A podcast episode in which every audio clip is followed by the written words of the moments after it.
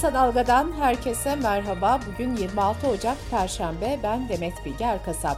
Gündemin öne çıkan gelişmelerinden derleyerek hazırladığımız Kısa Dalga bültene başlıyoruz. Türkiye Büyük Millet Meclisi Anayasa Komisyonu'nda başörtüsüne anayasal güvence ve evlilik birliğinin tanımlandığı anayasa değişikliği önerisi AKP ve MHP oylarıyla kabul edildi. CHP ve İyi Parti teklifin başörtüsü serbestisini düzenleyen birinci maddesi üzerinde verdiği değişiklik önergesi reddedilince komisyonu terk etti. BBC Türkçe'den Ayşe Sayın'ın haberine göre CHP ve İyi Parti ile parti kapatma davası nedeniyle komisyon görüşmelerine katılmayan HDP, genel kuruldaki görüşmelerde anayasa değişikliği teklifine destek vermeyecek. Türkiye İşçi Partisi de anayasa değişikliğine karşı olduğunu açıklamıştı. Bu durumda yeni bir uzlaşma olmazsa teklifin meclisten geçmesi mümkün görünmüyor. Anayasa değişikliği süreci CHP lideri Kemal Kılıçdaroğlu'nun başörtüsünü siyasetin gündeminden çıkarmak için yasal güvenceye alma çağrısıyla başlamıştı. Cumhurbaşkanı Erdoğan da bu çağrıya anayasa değişikliğiyle yanıt vermişti. Bu arada İyi Parti Grup Başkan Vekili Erhan Usta, Cumhur İttifakı'nın başörtüsü sorununu çözmeye yanaşmadığını ve seçimlerde kullanmak istediğini söyledi. Altı Muhalefet Partisi'nin lideri İyi Parti'nin ev sahipliğinde bugün bir araya geliyor. Liderlerin bu 11. buluşmasında gündemlerinde hem 30 Ocak'ta açıklanacak ortak politikalar metni hem de Cumhurbaşkanı adayının kim olacağı konuları var. Deva Partisi Genel Başkanı Ali Babacan, biz masada takım kaptanı kim olsun bunu konuşacağız dedi. Altılı Masa 5 Ocak'taki son toplantısında ortak aday çıkarılacağına dair mesajını net şekilde vermişti. Kamuoyunda konuşulan Kemal Kılıçdaroğlu, Ekrem İmamoğlu ve Mansur Yavaş'ın dışında henüz güçlü bir aday ismi gündeme gelmedi. Masada Kılıçdaroğlu'na İyi Parti dışında güçlü bir itirazda bulunmuyor. Ancak Hürriyet yazarı Abdülkadir Selvi, dünkü yazısında Akşener'in ikna edildiğini ve Kılıçdaroğlu'nun aday olacağını öne sürdü. Altılı Masa'nın 30 Ocak'ta açıklayacağı ortak mutabakat metninden de bazı bilgiler sızdı. Buna göre Cumhurbaşkanlığı bünyesinde politika kurulları kaldırılacak ve yetkileri bakanlıklara verilecek. Cumhurbaşkanlığı bünyesindeki ofisler de kaldırılacak, bu yetkiler de yine bakanlıklara dağıtılacak. Çalışmaya göre bakan yardımcılığının da kaldırılması ve müsteşarlık sistemine geri dönülmesi planlanıyor. Altılı Masa'nın çalışmasına göre hükümetin ilk 100 günlük programı da dahil olmak üzere tüm programlar meclise sunulacak. Deutsche Türkçe'nin edindiği bilgiye göre programın ana çerçevesini ekonomi programı oluşturacak. Türkiye Büyük Millet Meclisi Hazırlık Komisyonu, İyi Parti Milletvekili Lütfü Türkkan ve CHP Milletvekili Ali Mahir Başarar'ın dokunulmazlıklarının kaldırılmasına ilişkin kararını 31 Ocak Salı günü verecek. İyi Partili Lütfü Türkkan'ın şehit yakınına hakaret ve basit yaralama suçlarından, CHP'li Başarar'ın ise mahkeme heyetine müdahale ve saygısızlık suçlamasından dokunulmazlıklarının kaldırılması isteniyor. Anayasa Mahkemesi'nin HDP'nin kapatılması istemli davada partinin davanın seçim sonrasına bırakılması yönündeki başvurusunu dün ele alması bekleniyordu. Ancak Yüksek Mahkemenin başvuruyu bugün görüşeceği belirtildi. Bu arada Anayasa Mahkemesi raportörü ise partinin talebinin reddine karar verilmesini istedi. Bu raporun bağlayıcılığı bulunmuyor. Ancak Yüksek Mahkeme kapatma davasında müzakerelerini bu rapor üzerinden yapacak. Ülke Ocakları'nın eski genel başkanlarından Sinan Ateş cinayetine ilişkin soruşturmada yeni gelişmeler oldu. Daha önce gözaltına alınıp serbest bırakılan eski Ülke Ocakları yöneticisi Tolgahan Demirbaş, MHP'de özel kalem müdürü olan EY ve avukat SÖ gözaltına alındı. Sinan Ateş 30 Aralık günü Ankara'da uğradığı silahlı saldırı sonucu hayatını kaybetmişti. Cinayete ilişkin soruşturmada MHP İstanbul İl Yöneticisi Ufuk Köktürk'le birlikte 15 şüpheli tutuklanmıştı. Cinayetin tetikçisi olduğu belirtilen Eray Özyağcı ise henüz yakalanamadı. Bu arada Sinan Ateş cinayetinin MHP içindeki yankıları sürüyor. MHP'nin kurucusu Alparslan Türkeş'in eşi Seval Türkeş, partinin şu an arka planda karanlık bir takım güçler tarafından yönetildiğini iddia etti. Topluma bir korku imparatorluğu yayıldığını söyleyen Türkeş, Cumhuriyet Gazetesi yazarı Barış Pehlivan'a yaptığı açıklamada şu ifadeleri kullandı. Maalesef MHP çok kötü bir pozisyonda kullanıldı. Türkiye sağ olsa hiçbir şekilde MHP'de böyle bir şey söz konusu olamazdı. Kısa Dalga yazarı Hale Gönültaş hakkında çocuk yurdunda kalan kız çocuğunun kaybolmasına ilişkin haber nedeniyle bir polis memurunun suç duyurusu üzerine soruşturma başlatıldı. Polis memuru Gönültaş'ın yanı sıra mağdur kızın annesi ve Kadın Dernekleri Federasyonu'ndan da şikayetçi oldu. Bartın'ın Amasra ilçesinde Türkiye Taş Kömürü Kurumu'na ait ocakta 42 madencinin hayatını kaybettiği patlama ilişkin Türkiye Taş Kömürü Genel Müdürü ve yöneticileriyle Çalışma Bakanlığı ve Enerji Bakanlığı denetçileri hakkında da soruşturma başlatıldığı ortaya çıktı. Doğçe Velle Türkçe'den Can Bursalı'nın haberine göre yetkililer 6 aydan 2 yıla kadar hapis cezası istemiyle yargılanabilecek.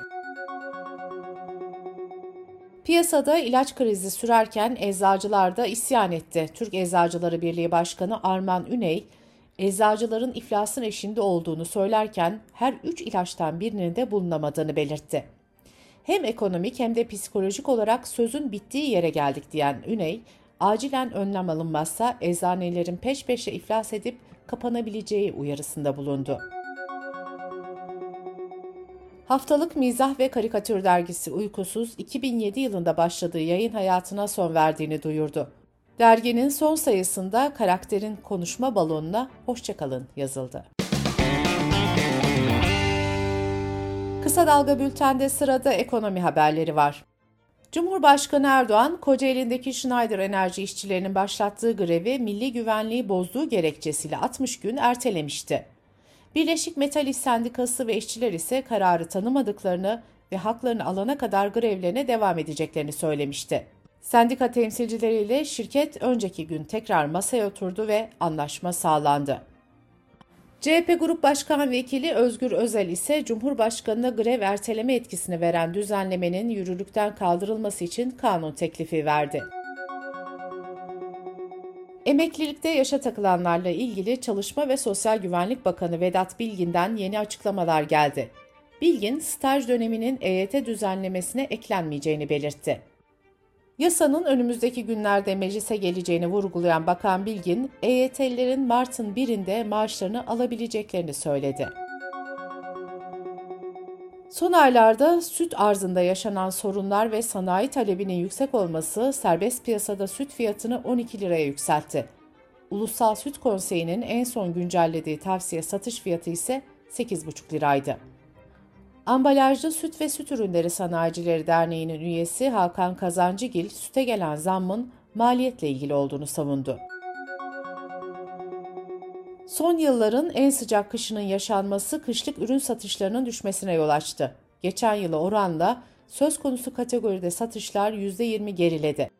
Birleşmiş Markalar Derneği Başkanı Sinan Öncel kışlık ürün satışlarının kötüye gittiğini belirterek biz de kar yağışını bekliyoruz dedi. Merkez Bankası'nın verilerine göre imalat sanayi genelinde kapasite kullanım oranı 1.2 puan azalarak %75.3 seviyesine geriledi. Dış politika ve dünyadan gelişmelerle bültenimize devam ediyoruz. Türkiye, İsveç ve Finlandiya ile NATO üyeliği için gerçekleştirdiği üçlü görüşmeleri Kur'an yakma eylemi nedeniyle yaşanan gerilimin ardından erteledi. Diplomatik kaynaklar Şubat ayında yapılması planlanan üçlü mekanizma toplantısının başka bir tarihe ertelendiğini söyledi. Cumhurbaşkanı Erdoğan hafta başındaki kabine toplantısının ardından yaptığı açıklamada Türk Büyükelçiliği önünde Kur'an yakılmasını engellemeyen İsveç'in NATO üyeliği konusunda Türkiye'den destek beklememesi gerektiğini söylemişti. İsveç Başbakanı ise bazı provokatörlerin üyeliği engellemeye çalıştığını söyledi. Finlandiya Dışişleri Bakanı Havisto ülkesinin NATO'ya İsveç olmadan katılması seçeneğini gündeme getirmişti. ABD Dışişleri Bakanlığı Sözcüsü Ned Price ise Washington'ın Finlandiya'nın NATO'ya yalnız değil, İsveç'le birlikte üye olmasını istediğini vurguladı. Alman basınında yer alan haberlere göre Almanya Başbakanı Scholz, Almanya'dan Ukrayna'ya Leopard 2 tanklarının sevkiyatına onay verdi. Türkiye dahil bazı NATO ülkelerinin sahip olduğu bu tanklar savunma uzmanlarınca Ukrayna için en uygun savaş aracı olarak gösteriliyor.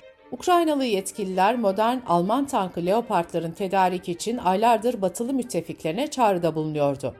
Leopardların başka ülkede kullanımını veto etme hakkını elinde bulunduran Berlin, bu tankların Ukrayna'ya gönderilmesine karşı çıkıyordu. Ancak Almanya üzerindeki baskı son dönemde giderek artmıştı. Amerika'da gizli belge tartışması büyüyor. ABD Başkanı Joe Biden'ın ardından eski başkan yardımcısı Mike Pence'in evinde de yeni gizli belgeler ortaya çıkarıldı. Pence'in Indiana eyaletindeki evinde bir avukat tarafından bulunan belgeler Amerikan Federal Soruşturma Bürosu FBI'ya verildi. Brezilya'da Yanomami bölgesinde yaşayan ve açlıktan ölmek üzere olan 16 yerli hükümet tarafından gönderilen uçakla kurtarıldı. BBC Türkçe'de yer alan habere göre yerlilerin yaşadığı bölgedeki yüzlerce çocuğun ölümün ardından tıbbi acil durum ilan edildi. Ölümler ormanlık alanda yürütülen madencilik ve ağaç kesimi faaliyetlerine neden olduğu su kirliliğiyle ilişkilendirildi. Yanomami bölgesinde 28 bin yerlinin yaşadığı belirtiliyor. Eski devlet başkanı Bolsonaro 4 yıllık iktidarında bu bölgenin bir kısmını tarıma ve madenciliğe açma sözü vermişti. Bölgede yaklaşık 20 bin yasa dışı madencinin faaliyet gösterdiği tahmin ediliyor. Fransa Senatosu salı günü aldığı kararla nükleer enerji santrallerinin inşasının hızlandırılmasına yeşil ışık yaktı. Fransız parlamentosunun üst kanadı olan Senato 16'ya karşı 239 oyla yasa tasarısını onayladı. Senatörler aldıkları kararla Fransa'nın nükleer enerji payını 2035 yılına kadar %75'ten %50'ye düşürme hedefini de rafa kaldırmış oldu. Çevre örgütü Greenpeace ise Senato'nun kararını skandal olarak nitelendirdi. Bültenimizi kısa dalgadan bir öneriyle bitiriyoruz. Gazeteci Yeşim Özdemir'in hazırlayıp sunduğu kitap Konu Kahve'nin bu haftaki konu gazeteci yazar Büşra Sanay, Kardeşini Doğurmak kitabını anlatıyor. Kitap Konu Kahve'yi kısa dalga.net adresimizden ve podcast platformlarından dinleyebilir, YouTube kanalımızdan izleyebilirsiniz. Gözünüz kulağınız bizde olsun. Kısa Dalga Medya.